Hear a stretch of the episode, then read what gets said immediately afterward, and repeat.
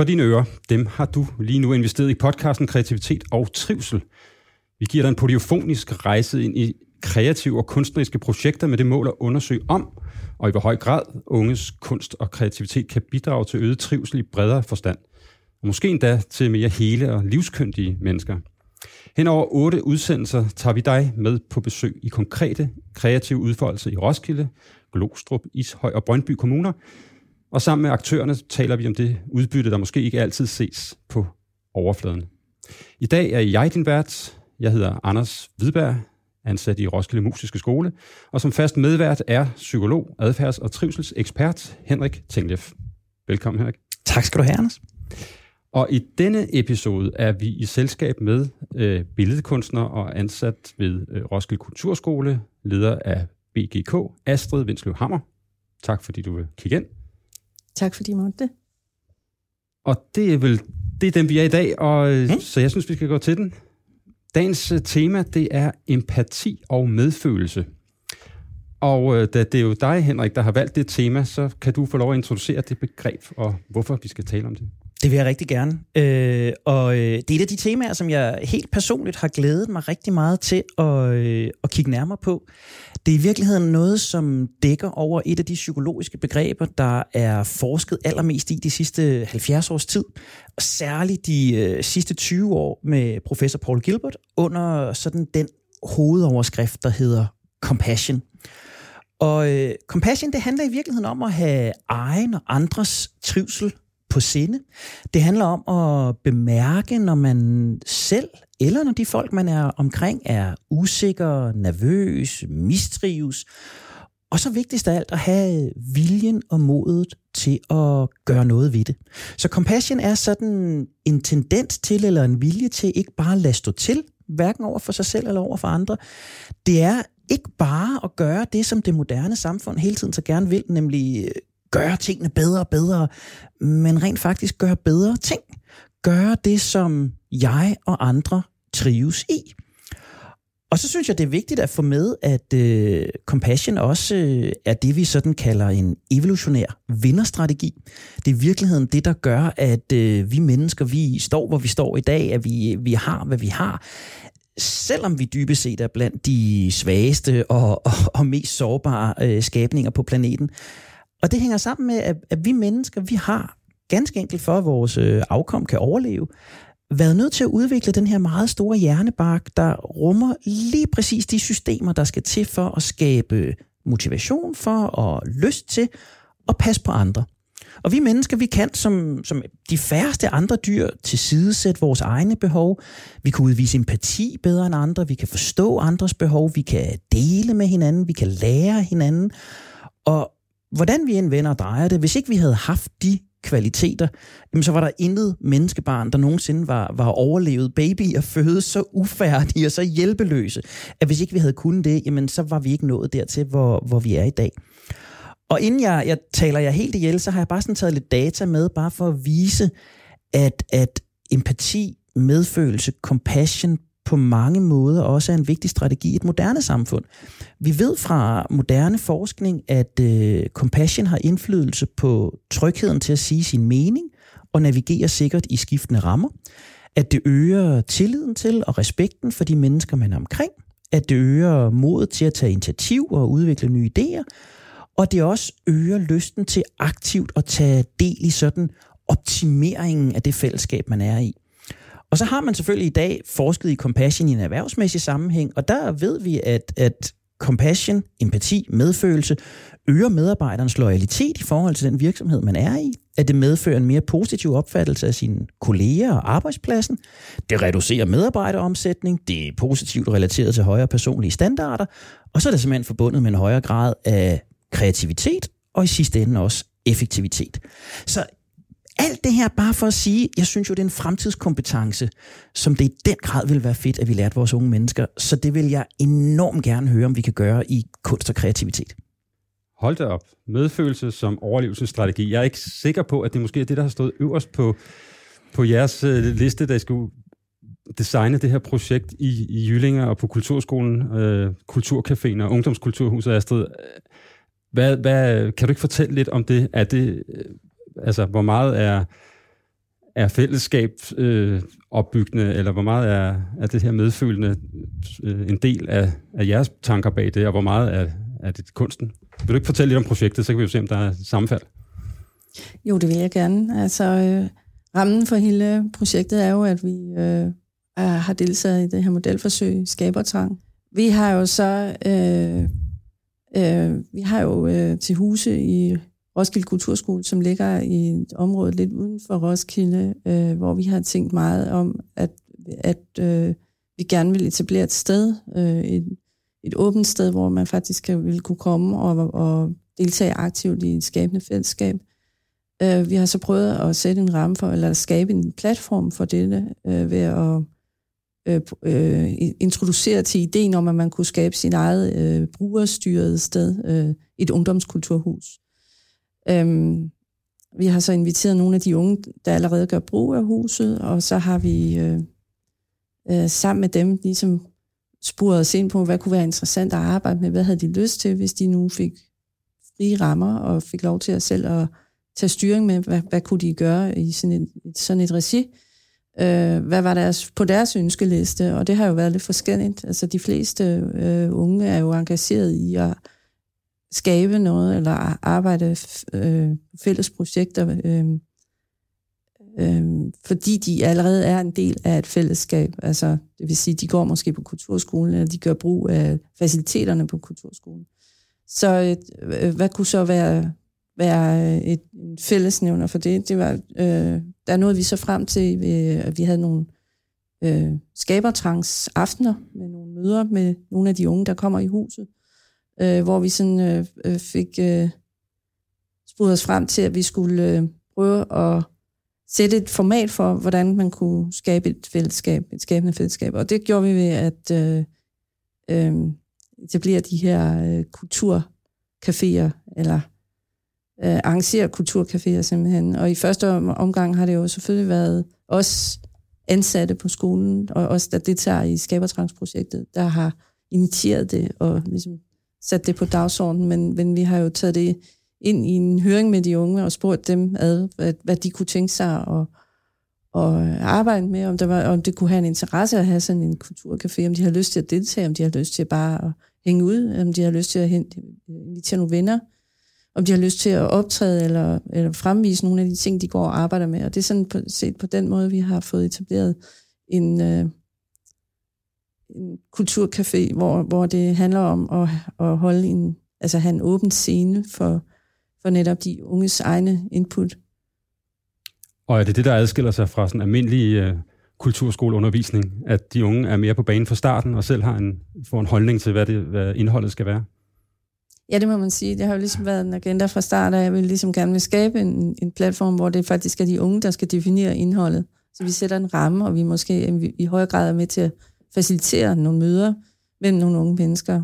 Og måske affødt af hele tanken om, at formatet, som vi startede ud med, at altså en ungdomskulturhus netop kunne, kunne være en platform for nogle unge mennesker. Øh, nu er vi jo en kulturskole, vi er, ikke, vi er ikke et ungdomskulturhus, og der er også visse begrænsninger i, hvordan man kan tilgå huset og, bruge, og være bruger af, af det hus, vi har. Men øh, det her gør det til et sted aktivt, hvor man kan deltage i nogle fællesskaber, hvis man har lyst, også som udefrakommende. Man behøver ikke at være elev på kulturskolen. Det har været sådan en åbning for øh, at skabe den her platform. Så set fra et kultur- og musikskoleperspektiv, så det her det er en ny ting. Altså det er et nyt greb for at få nogle nye erfaringer med at arbejde med, med unge og kreativitet. Ja, det må jeg og fællesskab. Sige. I hvert fald i den tid, jeg har arbejdet på kulturskolen. Hvad siger du, Henrik? Øh, at Giver det et indblik i en virkelighed, som du kan relatere til din Jamen, jeg, jeg, jeg, sidder og bliver, jeg sidder og bliver super nysgerrig, fordi øh, jeg tænker åben scene, øh, jeg tænker træde op øh, for, for unge mennesker. Det må med kræve noget, noget mod fra, fra, fra dem, der, der stiller sig op. Hvad har I gjort for at, at skabe det her miljø, hvor man, hvor man tør at, at gøre det? Øhm, ja, det, her, det er jo også en lidt en rejse for os, fordi vi jo ikke har de erfaringer forud for vores ja. øh, projekt her. Øh, og man kan sige, at vi jo øh, greb lidt til fat i nogle tidligere erfaringer, vi har haft, eller andre har haft på kulturskolen, hvor, man, hvor vi havde musikcaféer, øh, måske mere sådan traditionelle i den forstand, øh, at man ligesom sætter et program for en aften, og der er nogen, der har forberedt sig og har øvet sig vældig grundigt, og så laver man sådan et program med måske nogle forskellige mus- musiske indslag, øh, og gerne også for forældre eller andre, der er tilknyttet skolen, og så har man ligesom lavet et arrangement. Mm. Og øh, det gjorde vi måske også lidt øh, til den første kulturcafé, fordi vi jo havde engageret nogle navne udefra, som ligesom kunne sætte en standard for, her er kulturcaféen, og det er sådan, vi gør det. Øh, og det må jeg sige, det var ikke lige det, de unge havde forventet. Øh, de havde måske svært ved at se sig selv i, i det regi, eller som en scene, de kunne betræde. Øh, så klog af skade, så valgte vi jo anden gang nærmest at trække os helt tilbage, og ikke arrangere noget som helst, men ligesom sætte en ramme og sige, her er Kulturcaféen, hvad kunne I selv tænke jer at putte ind i den? Hvad kunne, hvad kunne være interessant at arbejde med her? Øh, og der kom det meget hurtigt frem, at det kunne være interessant for, for de unge brugere, der er i huset, dem der gør brug af vores øvefaciliteter og vores øh, bedkunstværksted, øh, at de i virkeligheden gerne vil have et, et prøverum, mm. altså hvor de kunne stille sig op måske med igangværende arbejde, det som de ikke var færdige med, eller klar til at tage ud og optræde med, så var det mere sådan et sted, hvor man kunne prøve tingene af, og en, en åben scene, et, et trygt rum, hvor man sådan kunne øh, aktivt, hvad kan man sige, øh, være i dialog om de ting, man så laver, øh, og præsentere dem for hinanden. Øh, og det er jo det er sådan lidt interessant øh, udvikling, jeg har taget, fordi det er et åbent hus arrangement, øh, kan man sige, fordi det er jo for alle, men, men langt de fleste af de deltagere, der har været, øh, ud over os voksne, der har observeret undervejs, så har det jo været øh, unge mennesker, som øh, havde noget på sinde, når de kommer til det sted, og aktivt deltager, det vil sige, at de også aktivt lytter til hinanden. Og det er jo, der er stor forskel på det, og så på at være et publikum, der bare sidder tilbage, og jeg skal underholdes. Her har man selv noget på spil, fordi man også selv måske ønsker at betræde den scene, eller være en del af det fællesskab, der så opstår der. Og, og oplevet I, fordi det tænker jeg er jo super vigtigt, det der med, at man bliver en mere aktiv lytter, end man bliver bliver bare publikum, fordi man er involveret i det, og man selv ved, hvordan det er at have noget på spil. Hvordan oplevede I den der udvikling der? Oplevede I, at, at de unge mennesker blev mere opmærksomme på hinanden, at de med tiden blev bedre til at støtte hinanden? Hvordan oplevede I den der sådan, det fællesskab og den hjælpsomhed, der opstod omkring dig? Jamen, øh, altså, jeg tror, det lå i, at, at vi oplevede det jo ved, at der, at øh, der sker det, vi, vi ikke tror kan ske, sådan set. Vi står med Kulturcafé nummer to og tænker, det her kommer aldrig til at gå godt. Vi aner ikke, hvad der... Der er sikkert slet ikke noget på programmet. Vi har ikke programsat noget. Kan vide, hvad der vil ske? Vil vi bare sidde og kigge på hinanden i det her rum? Eller hvordan vil vi... Øh, hvordan vil de unge gribe det an? Kommer de, fordi de er interesserede i at høre noget, eller kommer der overhovedet nogen? Så, så det, det er jo egentlig sådan tilliden til, ja. at give bolden videre til nogle andre og sige, her har I nogle rammer, gør hvad I har lyst til. Og, og det, det gjorde de jo sådan set. Øh, de greb den. Øh, det skal så siges, at øh, der hvor, hvor vi har gjort en indsats, eller hvor vi ligesom har været inde og styre noget, det er jo ved at, at invitere. Det vil sige, at vi prikker nogen på skuldrene og siger, kunne I tænke jer at være med til den her kulturcafé? I ved nok ikke, der findes et... I ved måske slet ikke, der findes en kulturskole herude i Jylling. Øh, så det har jo krævet lidt ekstra indsats at, at bringe nogle unge mennesker sammen i, i et rum. Jeg kunne godt tænke mig, når du siger, jeg ved ikke, om det her var egentlig prikket, men, men, øh, men jeg kunne godt tænke mig at, at spille et, øh, et klip fra et af de digtoplæsninger, der har været. Et klip, som i hvert fald fik det til at risle koldt ned ad ryggen på mig, da jeg hørte det første gang, og som i den grad bekræfter mig i, at et eller andet rum er der i hvert fald skabt, hvor man har følt sig tryg, og hvor man har følt sig set og hørt. Så jeg tænker, vi lige skal lytte til Frederikke. Det er svært at se mig. Jeg er menneske frem for alt. Se mig som mennesket. Jeg tror ikke på, jeg anerkender ikke forestillingen. De tror ikke på, de anerkender ikke et menneske. Et indre, en splittelse, en erkendelse, en fuldkommenhed, en helhed bliver ikke imødekommet, og jeg er i tvivl om min identitet er lige så vigtig som deres. Jeg trækker mig tilbage.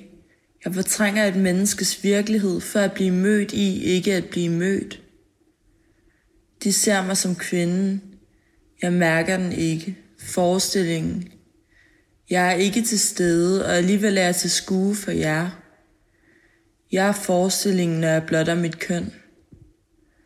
Når jeg blotter mit køn, og du anerkender mig som mennesket, forenes der noget, der destruerer tvivlen, kønsdysforien i samme moment.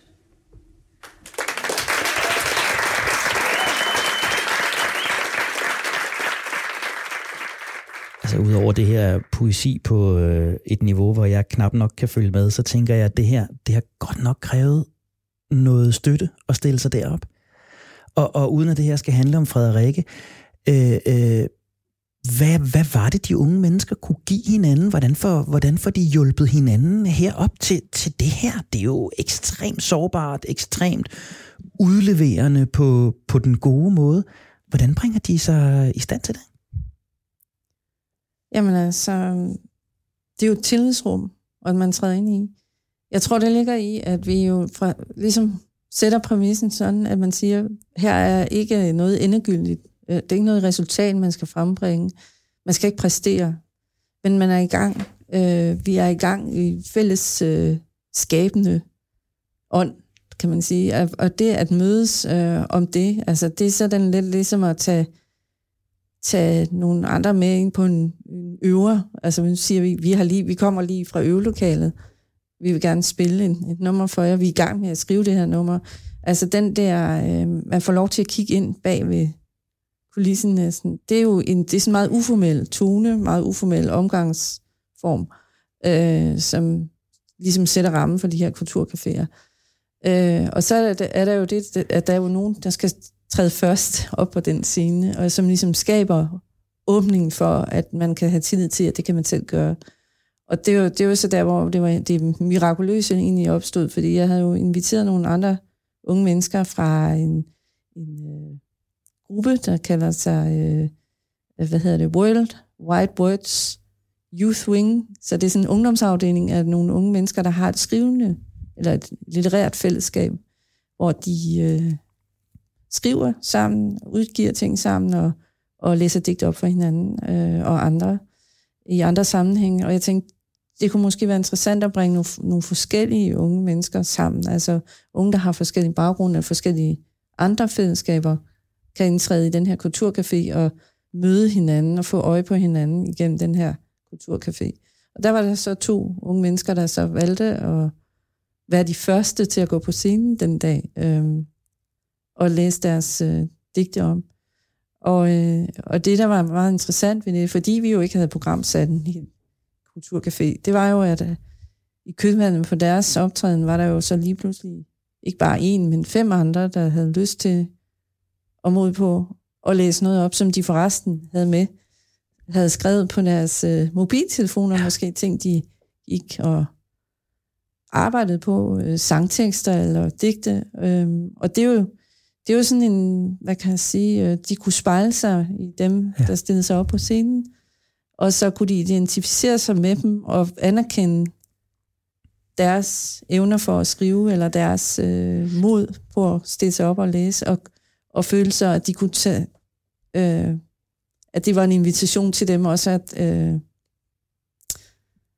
selv at øh, deltage og, og eksponere sig selv på samme måde. Øh, det er den tillid, jeg synes, jeg, jeg kunne mærke i den, det rum den dag. Ja. Og, og jeg vil sige, det, vil, det var ikke noget, vi kunne have planlagt på no, noget tidspunkt. Øh, det er ting, der opstår, fordi der faktisk opstår et reelt møde mellem de unge mennesker. Ja.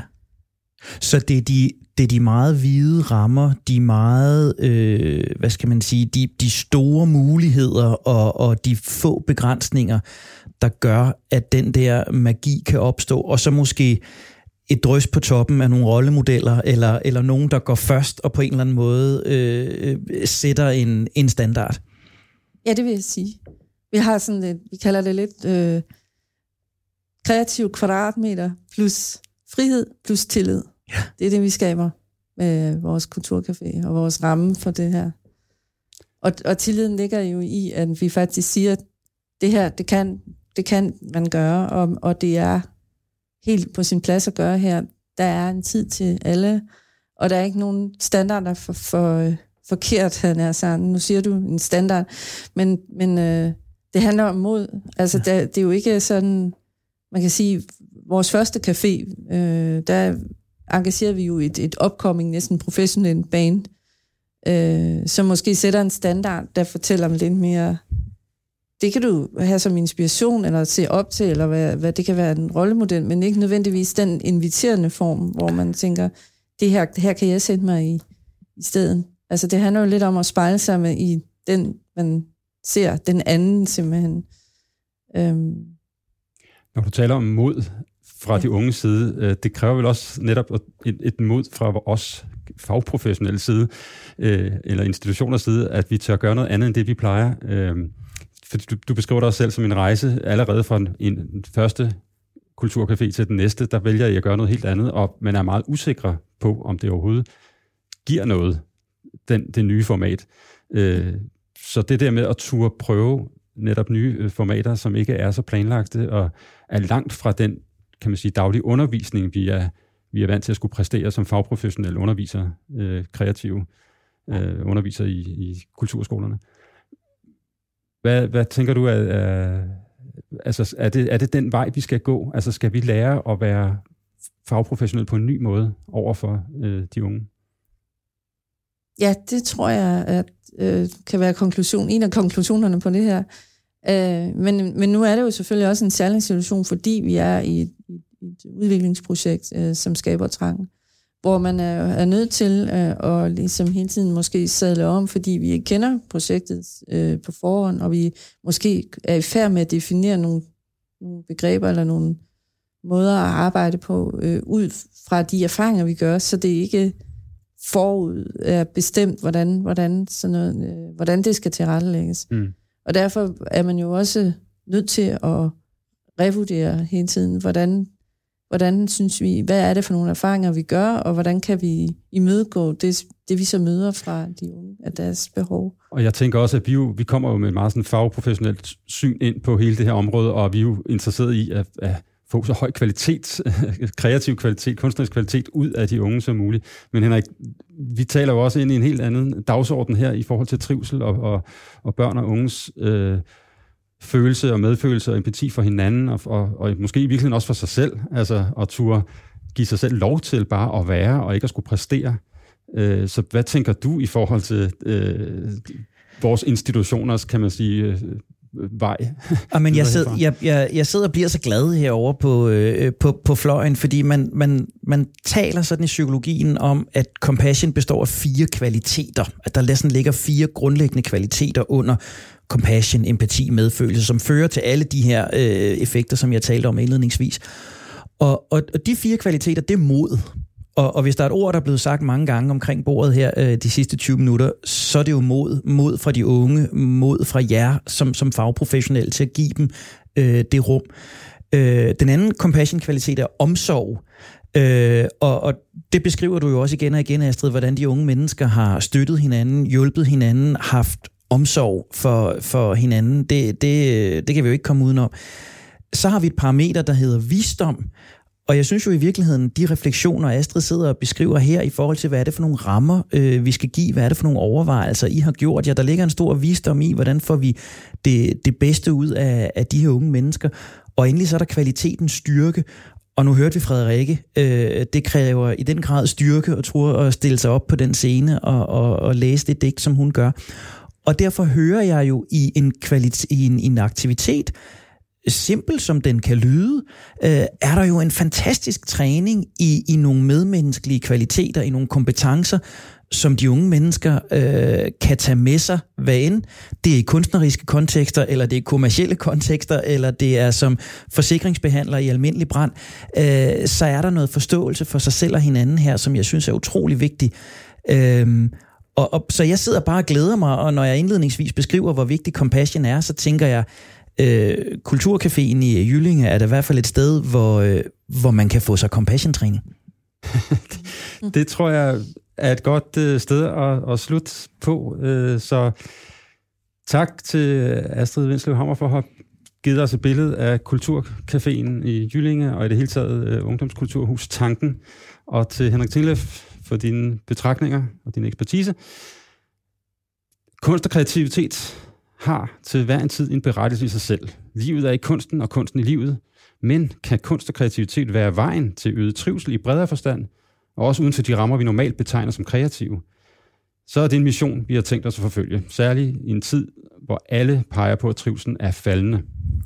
Og vi håber selvfølgelig, at du vil være med på rejsen sammen med os. Så du finder altså podcasten her alle de steder, du normalt finder podcast, og det kan dine venner jo også gøre. Du skal bare huske at sige det til dem. Husk også, at en kommentar, en anmeldelse og en række stjerner i din app gør, at endnu flere opdager vores lille, men stålsatte projekt. Jeg hedder Anders Hvidberg, og jeg har været din vært i dag. Redaktionen bestod også af Pelle Let, og vores faste medvært er som altid psykolog Henrik Tinglef.